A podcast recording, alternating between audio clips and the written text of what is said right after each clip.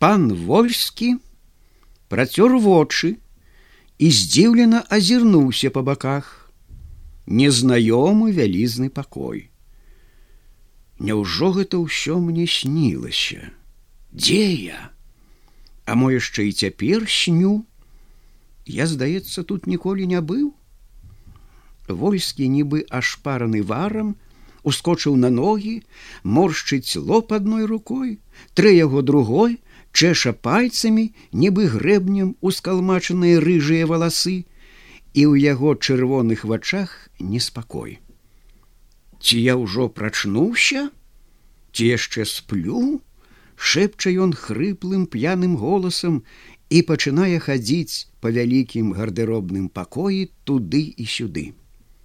Ад стуку яго ботаў раздаецца гул водгалас адказвае з усіх куткоў нібы страляніна не не не сплю супакойвае вольскі сам сябе Ён аглядаецца на шафы з разьбою з бронзавымі амурамі успамінае музыку якая яго так вабіла ўночы і паглядае на сябе ў люстэрка. Не пазнае сябе узбянтэжаным рыжым чалавечку, які глядзіць на яго са шкла. Вольскі зноў непакоіцца. Мабыць, сплю, цвёрда кажа ён. Выпадкова зірнуў на руки і задрыжэў. Руки ў крыві. Няўжо ж забіў каго колечы, часам праўда настаўляў на людзей дзеля форсу дзедаўскі пісталет і крычаў застрэлю! Але адвагі не хапала на гэта. Я больш языком мялю! Тут вольскі успомніў што ўночы сваёй крывёю верш пісаў. Паглядзеў на стол. Ляжыць кавалак паперы а на ёй напісана чырвонае слово ой трохі забалела рука заныла ранка. Не не сплю упэўніўся вольскі і пачаў як дзіцё фукаць губамі на руку каб не балела. Зноў узяўся за агляд пакоя і ніяк не мог успомніць як ён тут апынуўся. Давай успамінаць аб усім тым што рабілася ўночы все здавалася яму дзіўным і незвычайным. Ніяк не мог поверыць, што гэта было наяве. Не, я сплю, сплю, пастанавіў цвёрда пан войскі, бо я не чуў яшчэ, як панскі салавей спявае. Калі ён упэўніўся, што спіць, што гэта ўсё толькі чароўны сон, дык супакоіўся і павесялеў. Прыемны сон, цікавей непрыемнай явы, Ён перастаў баяцца незнаёмага пакоя. Калі сон, дык трэба выкарыстаць, падумаў ён і хіхікнуў ад прыемнасці. Пастараюся зрабіць гэты сон яшчэ больш цікавым. Пан вольскі пасунуўся да дзвярэй, скрыпнуў імі і апынуўся ў іншым пакоі. Па сценах гэтага пакоя віселі святыя абразы ў залочаных рамах.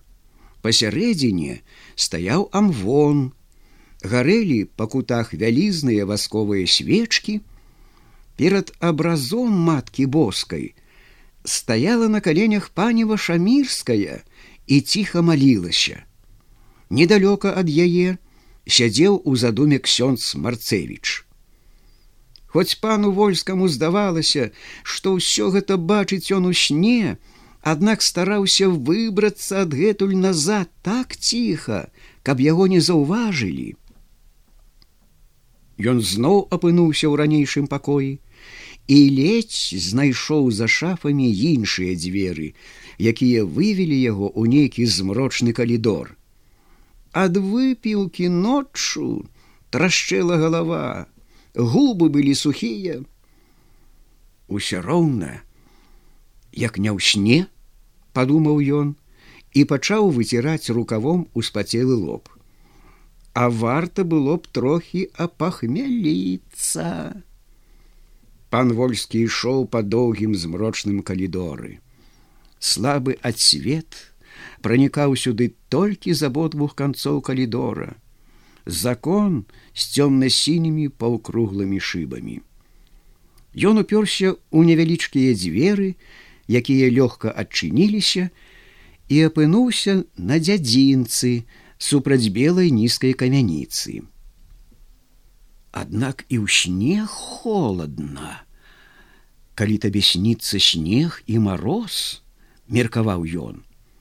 Нягледзячы на холод, вольскаму спадабалася вандраванне ў сне. Такія сны шмат разоў яму сніліся. Вандруе у невядомым палацы ад пакоя да пакоя і не можа выбрацца адтуль. Ён спалохаў варону, якая дзёбала нешта ў снезе і адчыніў дзверы ў камяніцу. Увайшоў у пусты пакой, прабраўся адтуль у другі і апынуўся якраз у пакоі, дзе спалі балерыны.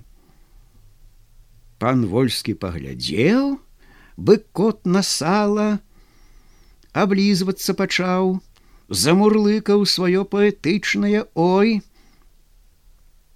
Ой сон, Ой слаўны сон, прыгожы, ой, натхнёны, дзіўны сон ой апошняе ой ён выгаворваў так працягла што каб перадаць гэта на паперы дык павінна заняць добрых трох радкоў верша. Так вечна гатоў сніць. Зрабіў рыцарскі выгляд ганаровы пачцівы строгі геркулесаўскі і горды. Смешна выглядала ў такой позе яго дробная мізэрная фігурка Ён заўважыў гэта ў люстэрку каля сцяны ой тут не падыходзіць падумаў ён давай зраблю сабе фізіяномію чалавека у экстазе малітвы.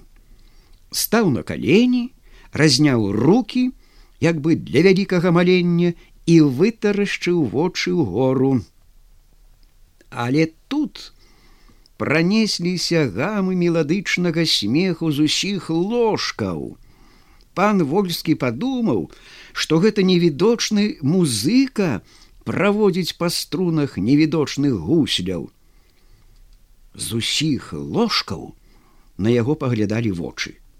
Кожная пара вачэй по-свойму вабная, по-свойму чароўная. Дадаткам да вачэй чырванелі макам, малінамі, брусніцамі, вішнямі, губкі розных ліній і формаў, доўгія валасы, ад ільняна русых да сіне цёмных у розных пералівах перасыпаліся хвалямі і абрамлялі твары балерын.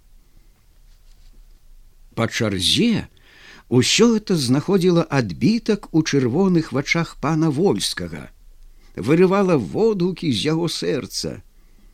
Ён падняўся на ногі і з выглядам сціплага школьніка ціхенька хадзіў ад ложка да ложка, углядаўся бліжэй, узмучаныя бледныя твары балерын, сінімі глыбокімі кругамі под вачыма. Сэрца яго цюкала як гадзіннік.